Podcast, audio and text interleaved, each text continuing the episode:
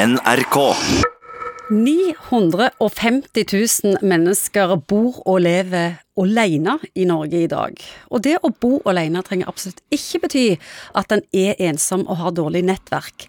Og da koronaviruset kom i midten av mars, da fikk så å si hele Norge kjenne på karantene og isolasjon.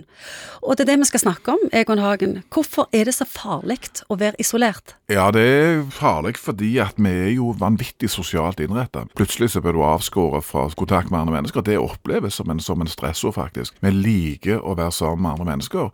Og spesielt hvis du f.eks. er en ekstrovert type, så vil du jo hente energien og nesten være helt avhengig av det der samspillet og interaksjon med andre. Og plutselig så er den kilden til energi vekke.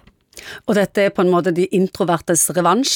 De har vunnet denne karantenetiden. Ja, ja, jeg pleier å si det at denne type ting som har skjedd nå Klart at Hvis du er ensom i utgangspunktet, så har du mindre å gå på. kan du si. Det er færre folk som du kan ringe til. Det er de, de mest utsatte, de mest sårbare, som får trøkk i sånne situasjoner som dette. Men så kan det òg være sånn at uh, hvis du er vant til å være alene Så har du svart belte i å være ensom. Det er det du har. Ja. Og plutselig så vil du oppdage at det som mange tenkte kanskje var et drawback, faktisk kan være en fordel. For du har ikke disse høye sosiale forventningene, og du er vant til faktisk å overleve på egen hånd. Hvorfor sier dere psykologer at eh, ensomhet gjør vondt, men isolasjon, det dreper?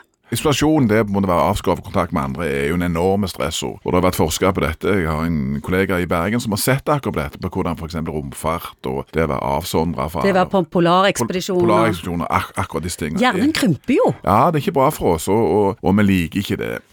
Altså, Delilius har en sånn låt som vinkler litt annerledes. De sier at det, det, er fint å være ensom, man kan ta sitt liv med ro. Og Det er jo en herlig, det er en herlig omskrivning egentlig, Ja. at det er, det er faktisk måter å håndtere dette på òg.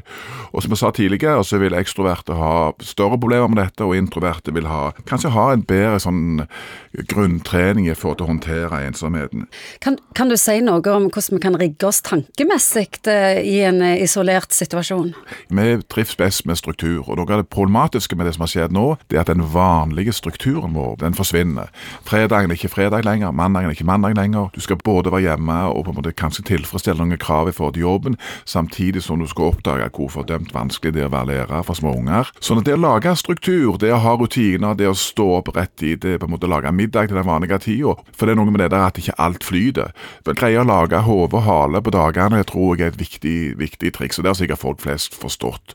Så har vi jo alle disse teknologiske tingene da, Ingvild, som, som hjelper oss, og som gjør at etter til hvert så oppdager vi jo at disse møtene på Skype, eller det å ta en En test på Skype? ja, det, det går an, og det Ja. funker på et eller annet vis allikevel. Vi har den utrolige evnen til å tilpasse oss, som er så unikt menneskelig, at vi greier å, å dynamisk posisjonere oss i forhold til de forandringene som, som livet noen ganger hiver i fjeset på oss. Vi har jo en fantastisk Vi tåler mye, altså. Vi har overlevd i helt ekstreme omstendigheter tidligere, og kriser, og sykdom, og elendighet, og krig, og Vi er jo ikke noen pingler med mennesker. Vi er ikke lagd for å gå i stykker. Vi er lagd for å overleve. Og jeg tror at selv om vi kan synes at dette var vanskelig, sånn, så jeg tror jeg at eh, hvis nå dette er i ferd med å rulle over nå, så tror jeg at de fleste vil si at dette greide vi å riste ganske greit av oss. NRK.